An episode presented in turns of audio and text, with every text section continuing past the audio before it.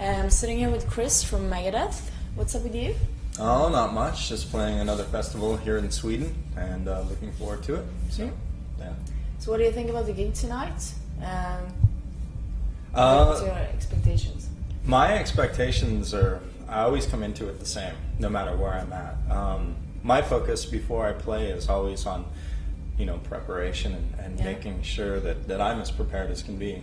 Um, because when you get on stage, you never know what's going to happen. You know, there are always so many variables that come at you, you know, that, uh, that you got to try and be prepared for those as possible. But uh, what I would hope to see is that we have a crazy crowd that is just nonstop in your face, and, and that always helps me kind of give back the energy in return because when I see people that are really pumped up, I tend Yeah. to get that way myself. So.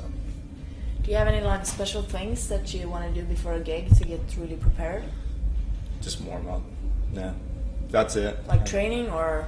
Well, I work out all the time, but Yeah. uh, but that's not for a gig or anything like that. That's just the way I am.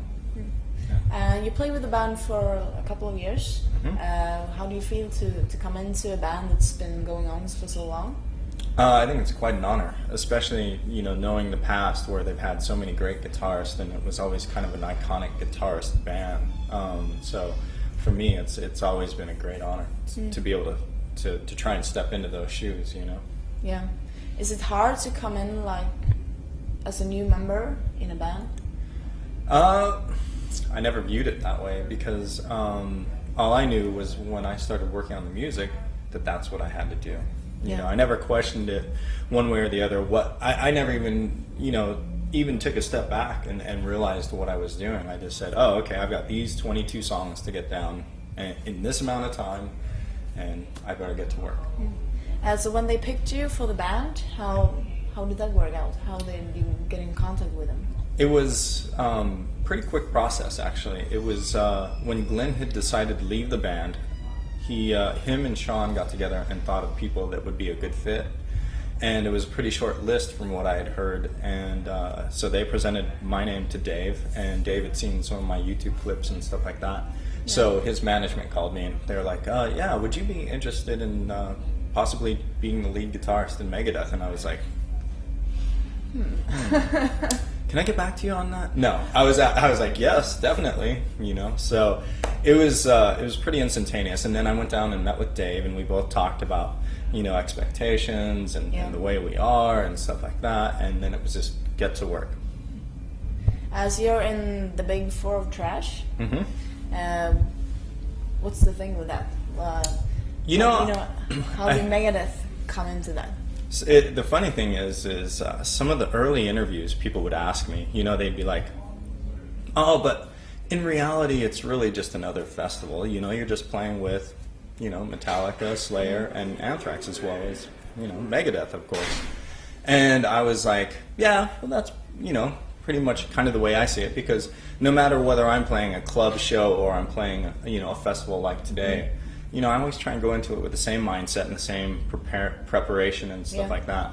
But the cool thing was, is as the Big Four occurred, and and we met with the guys Metallica and Slayer and Anthrax, and it kind of developed into this whole idea that it seemed like everybody was about trying to reinvent the whole genre of music, and and like it was bigger than the tour could be. It was going to be something more than that, and I really like that. I like that idea where we're really trying to re-energize the style of music.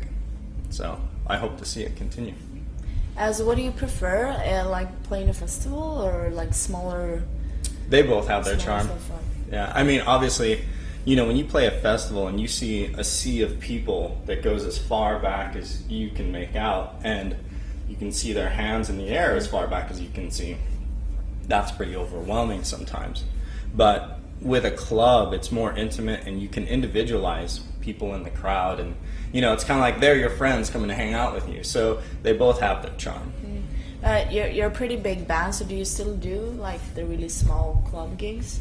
Yeah, yeah, I think so. You know, especially in smaller markets, uh, when you go to smaller towns or smaller cities, um, you know, you're not going to get the kind of fan base there that you would in a major city. So, yeah.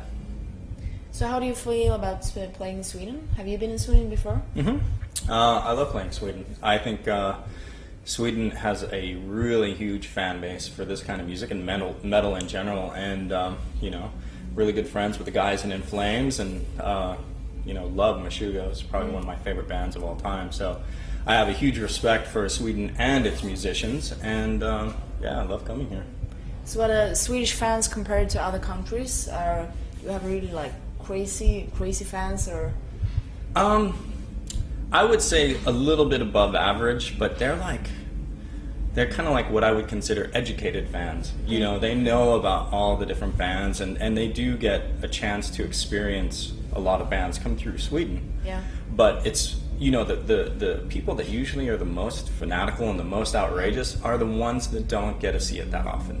You know, like when we went to Peru the first time two years ago, it, it was like the Beatles reborn. I, I was just like, what's going on? People are chasing us in cars and, and all kinds of things. And Yeah. um, so I think that that has a lot to do with it. But no matter what, you know, whether people get really fanatical about it or not, um, everybody enjoys their music in their own way, and you know, there's there's no good, there's no bad. So it's I'm just glad they appreciate it. Yeah. uh, thank you very much for your time. Sure. I, I think it's going to be an awesome gig tonight. Thank you very much. You. I, I sure hope so.